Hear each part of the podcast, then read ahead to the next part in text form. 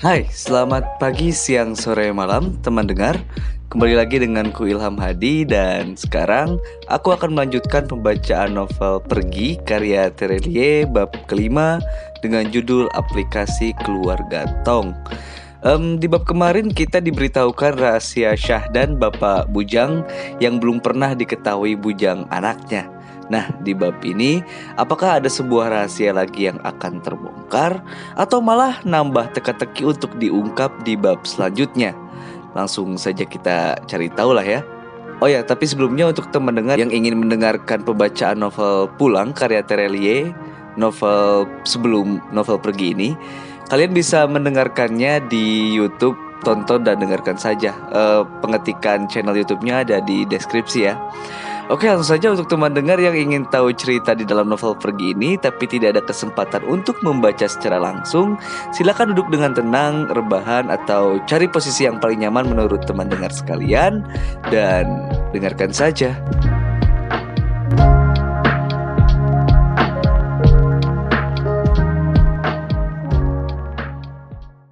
Sebelum mendengarkan pembacaan cerita dalam novel ini, lebih baik teman dengar membaca novelnya terlebih dahulu agar memiliki gambaran cerita sesuai dengan imajinasi teman dengar. Karena pembacaan novel ini dibawakan sesuai referensiku dan imajinasiku secara pribadi. Dan satu lagi, baca novelnya yang legal ya, jangan yang bajakan. Pergi. Bab 5 Aplikasi Keluarga Tong 6 jam berlalu di atas samudra Pasifik lebih lengang. Salonga beranjak tidur setelah bercerita, bilang tubuh tuanya butuh istirahat. Kehilangan selera membahas lebih lanjut kisah masa lalu itu. Saat Yuki dan Kiko terus kepo bertanya, Salonga menutup wajahnya dengan topi koboynya, tanda tidak mau lagi diganggu. Si kembar berseru kecewa persis seperti dua anak kecil yang kehilangan dongeng pengantar tidur. Tidak tertarik mengobrol dengan si kembar, White pergi ke kursi depan, membersihkan peralatan marinirnya serta senjata AK-47, mengelapnya sepenuh jiwa seperti sedang merawat kucing kesayangan. Senjata itu favorit. White mendapatkannya saat bertugas di Irak sebelum pensiun dini membuka restoran di Hong Kong. Si kembar bosan tidak ada lawan bertengkar, tidak mengantuk, dan sungkan mengganggu tidur Salonga. Pindah ke kursi belakang, membuka gadget, sepertinya bermain game online berdua. Mungkin Candy Crush atau COC, mengisi waktu, masih beberapa jam lagi kami mendarat di Hong Kong. Aku meniru teladan si kembar, mengambil laptop di bagasi kabin. Pesawat jet ini tersambung dengan internet kecepatan tinggi. Ada banyak pekerjaan yang harus kulakukan, di mana pun, dalam kondisi apa pun. Zaman sudah berubah, tidak seperti tauke besar sebelumnya yang mendapatkan laporan pekerjaan secara lisan di ruangan kantor atau menunggu kiriman dokumen, aku telah lama menggunakan beberapa aplikasi khusus keluarga Tong terlindungi oleh inskripsi tingkat tinggi. Seluruh urusan bisnis keluarga tersambung di sana. Setiap anggota keluarga memiliki username dan password sesuai level akses masing-masing. Cerita Salonga barusan sebenarnya membuatku berpikir banyak. Tentu saja, tapi tidak ada waktu untuk bersikap sentimental. Aku mengklik layar laptop. Ini sudah pagi di kotaku. Parwes seharusnya telah mengirimkan laporan harian. Ah, buat kalian yang belum tahu siapa Parwes, dia adalah CEO alias Direktur Utama, pimpinan tertinggi seluruh bisnis legal keluarga Tong. Setidaknya ada 40 perusahaan raksasa, mulai dari bisnis retail, perbankan, keuangan, manufaktur, otomotif, penerbangan, perkapalan, semua ada di bawah kendali Parwes. Tauke besar dulu mengangkat Parwes dari panti asuhan saat usianya 14 tahun, keturunan India. Tauke terpesona melihat kejeniusannya. Semudah itu, Parwes mengalahkan seorang Grandmaster dalam kompetisi catur internasional. Dia pintar, berbakat, berani, dan amat setia. Tambahkan, Parwes tidak menyukai kekerasan Tak sekalipun Parwes memukul, bahkan memukul seekor lalat. Tauke menyekolahkannya setinggi mungkin, melatih insting bisnisnya, menyiapkannya sebagai salah satu anggota keluarga Tong paling penting, melengkapi puzzle masa depan keluarga Tong. Aku menatap layar laptop, membuka laporan dari Parwes. Pertama-tama, memperhatikan harga saham perusahaan keluarga Tong di berbagai bursa seluruh dunia. Juga kurs mata uang, bursa komoditi berjangka, memperhatikan grafik dengan cepat, dilanjutkan membaca eksekutif, Sumeri.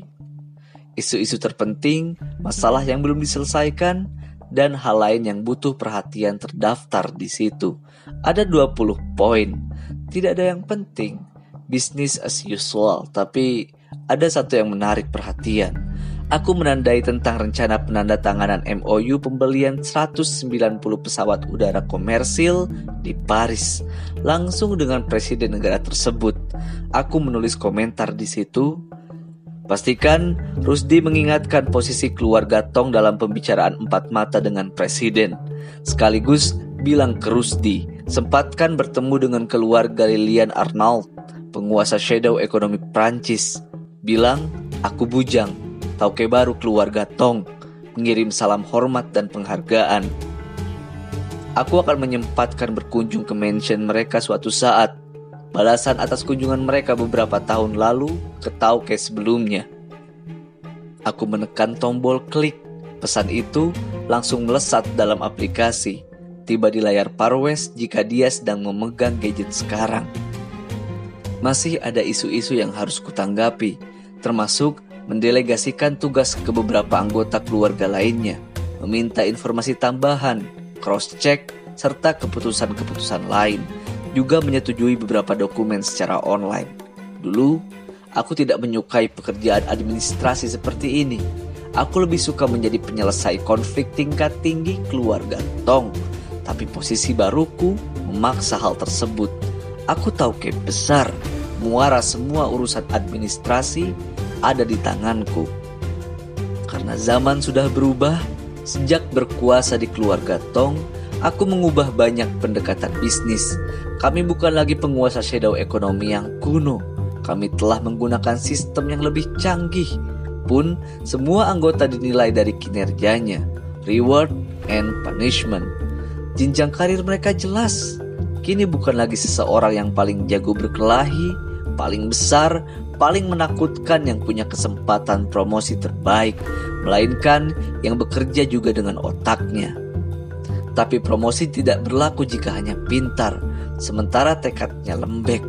Di keluarga Tong, semua orang harus memiliki keberanian. Menjadi keuntungan terbaik jika seseorang memiliki semua aspek itu.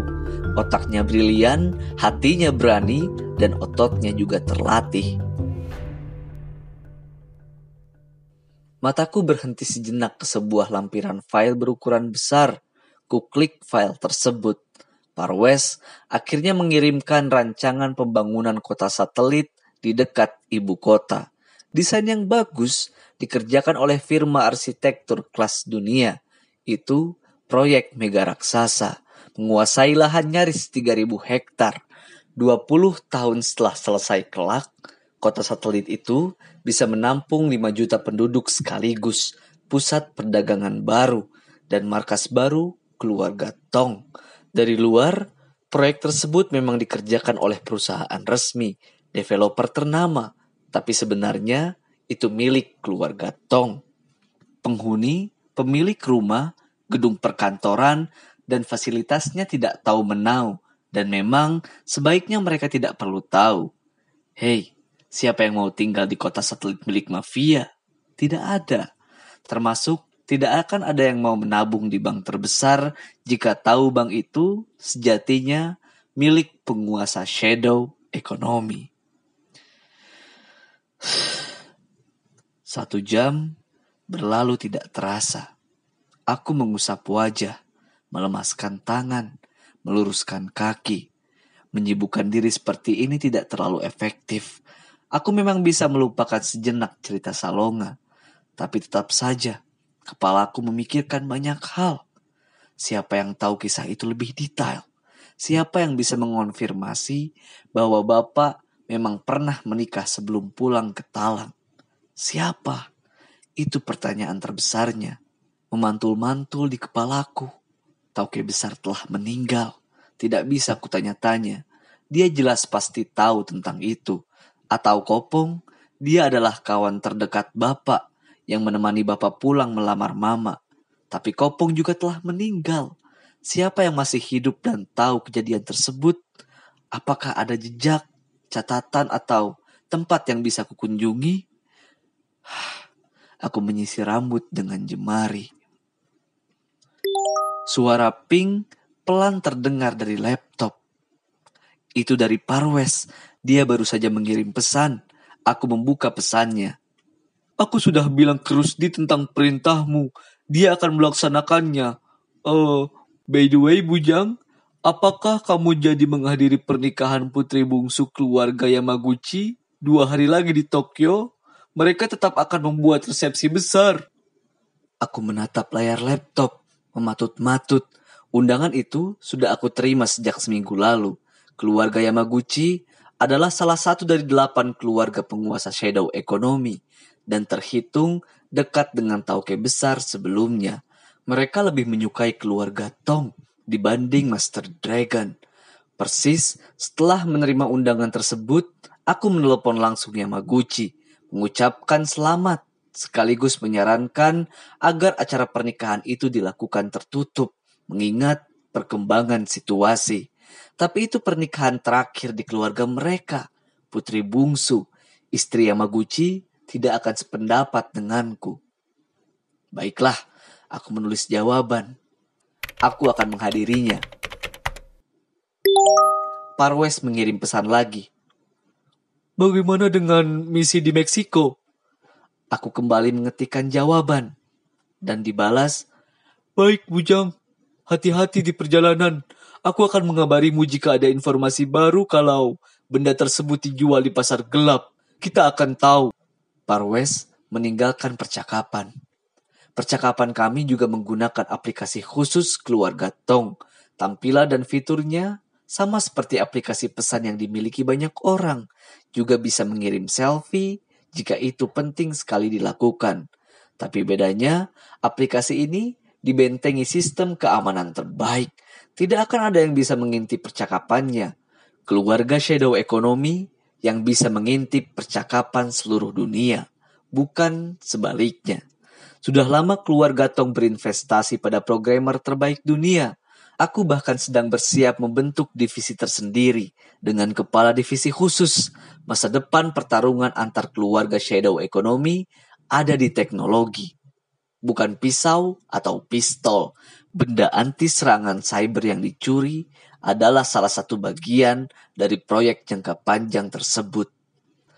Aku menutup laptop masih beberapa jam lagi kami mendarat di Hong Kong.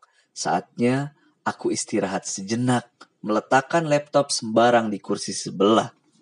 Persis aku bersiap memejamkan mata, telepon genggamku berbunyi. Itu jalur yang sangat penting serta mendesak, karena sekarang aku adalah tauke besar, maka hanya ada satu orang yang bisa meneleponku dalam situasi seperti ini. Togar. Bahkan Parwes hanya mengontakku lewat aplikasi. Siapa Togar? Struktur keluarga Tong ramping dan mudah dipahami. Di bawahku hanya ada dua orang, Parwes dan Togar. Jika Parwes mengurus bisnis legal, maka Togar adalah kepala tukang pukul, mengurusi kekerasan, posisi yang dulu sempat ditempati oleh bapakku Syahdan, kemudian digantikan oleh Kopong, lantas digantikan oleh Bashir. Togar memimpin 30 letnan serta 1000 tukang pukul keluarga Tong yang tersebar di banyak tempat. Mereka tidak lagi seperti preman zaman dulu, melainkan membaur di banyak titik strategis bisnis keluarga Tong terlihat seperti karyawan biasa, tapi sejatinya tukang pukul terlatih. Dan mengisi posisi kepala tukang pukul bukan perkara mudah. Selain paling kuat, paling lihai, dan paling setia di antara kandidat lain, posisi itu harus direbut melalui ritual amok. Ratusan tukang pukul berkumpul di sebuah lapangan luas atau pantai Lantas, kandidat akan menghadapi semua tukang pukul dengan tangan kosong di sana. Saat teriakan amuk terdengar, perkelahian massal dimulai. Satu melawan ratusan. Jika dia tetap berdiri setelah 60 menit atau lebih, resmi sudah dia menjadi kepala tukang pukul. Togar tidak melewati ritual amuk biasa, melainkan bersisian bersamaku menghadapi Bashir beserta tukang pukul pengkhianat lainnya.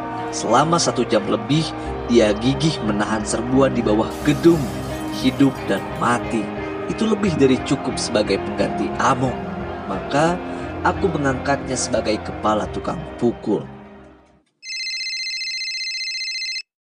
Halo Togar, aku mengangkat telepon. Eh, hey, maaf mengganggu tahu ke besar. Suara lantang Togar terdengar. Tidak masalah. Ada apa? Ah, kabar buruk tahu ke besar. Katakan. Kami baru saja menemukan instalasi bom di basement kantor pusat perbankan kita.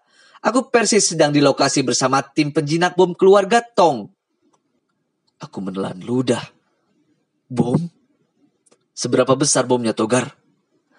Cukup untuk meledakkan seluruh basement dan membuat gedung runtuh. Aku menggeram. Ini berarti serius. Bom ini tidak terlalu mengejutkan karena kami sedang dalam krisis. Perang antar keluarga di depan mata. Cara-cara licik seperti itu jamak terjadi. Serbuan terang-terangan. Sabotase, pembunuhan, peledakan, atau teknik menikam dari belakang. Segera evakuasi seluruh gedung Togar. Keselamatan karyawan adalah prioritas. Cari alasan bahwa kalian sedang ada pelatihan pemadaman kebakaran atau genset rusak atau apalah. Pastikan tidak ada informasi yang bocor keluar. Jangan libatkan pihak lain, termasuk kepolisian. Selesaikan diam-diam. Aku tidak ingin media tahu. Itu bisa merusak harga saham. Apakah Farwest sudah diberitahu? Eh, aku segera meneleponnya setelah ini tahu ke besar. Oke, pastikan bom itu tidak meledak, Togar. Siap, Tauke. Ah, dan masih ada satu lagi kabar lebih buruk. Apa? Kami menemukan bukti kuat di lokasi bom jika ada letnan kita yang menjadi mata-mata keluarga Master Dragon. Aku terdiam lagi. Itu jelas kabar lebih buruk. Meski sebenarnya itu juga lazim terjadi antar keluarga penguasa shadow ekonomi, yakni meletakkan mata-mata di berbagai tempat penting, termasuk keluarga lain. Keluarga Tong juga melakukannya. Tapi ini tetap mengejutkan karena setelah Bashir kalah, Togar atas perintahku menyingkirkan banyak sekali letnan dan tukang pukul yang dicurigai bermasalah. Siapa letnan tersebut, Togar? Chen, letnan yang bertugas di kantor pusat bank. Dia luput satu hal, mungkin terlalu percaya diri akan berhasil. Sidik jarinya ada di instalasi bom. Positif itu miliknya. Kami sedang memburunya. Lokasinya sudah diketahui. Chen, aku mendengus. Aku tahu anak itu. Aku sendiri yang merekrutnya lima tahun lalu. Catatan resumnya bersih, pintar, menguasai bela diri, datang dari daratan Cina, dan bisa berbicara dalam beberapa bahasa. Tangkap dia hidup-hidup, Togar. Aku akan bicara dengannya sebelum dieksekusi. Mungkin itu berguna untuk mengetahui rencana Master Dragon lainnya. Siap, Tauke Besar. Terima kasih banyak. Aku menutup sambungan, menghembuskan napas pelan. Urusan ini semakin serius. Siapa yang menelpon Bujang? Salonga yang duduk di seberangku telah bangun, melepas topi dari wajah. Dia terlihat segar setelah tidur enam jam. Togar Salonga.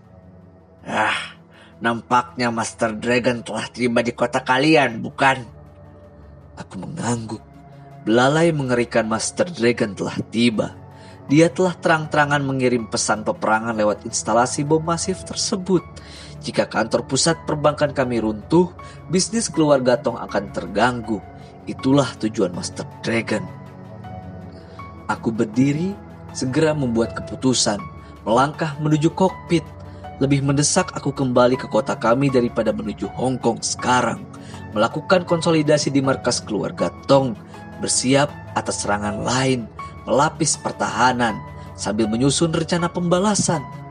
Aku juga tidak tahu Dari delapan keluarga penguasa Shadow Economy, ada berapa yang bersekutu dengan Master Dragon untuk melawan keluarga Tong? Urusan lain bisa ditunda. Ada apa Tuan Salonga? Yuki menatap punggungku. Si kembar kembali ke kursi semula saat tahu Salonga telah bangun. Kenapa bujang ke kokpit? Kiko menambahkan. Perang telah dimulai. Begitulah. Salonga mengangkat bahu. Si kembar saling tatap. Aku di depan membuka pintu kokpit. Point of destination baru Edwin, batalkan ke Hong Kong, kembali ke kota kita. Edwin menoleh, menatapku sebentar. Baik, Cap. Point of destination baru. Dia segera menggerakkan tuas kemudi. Moncong pesawat jet berubah haluan menuju selatan.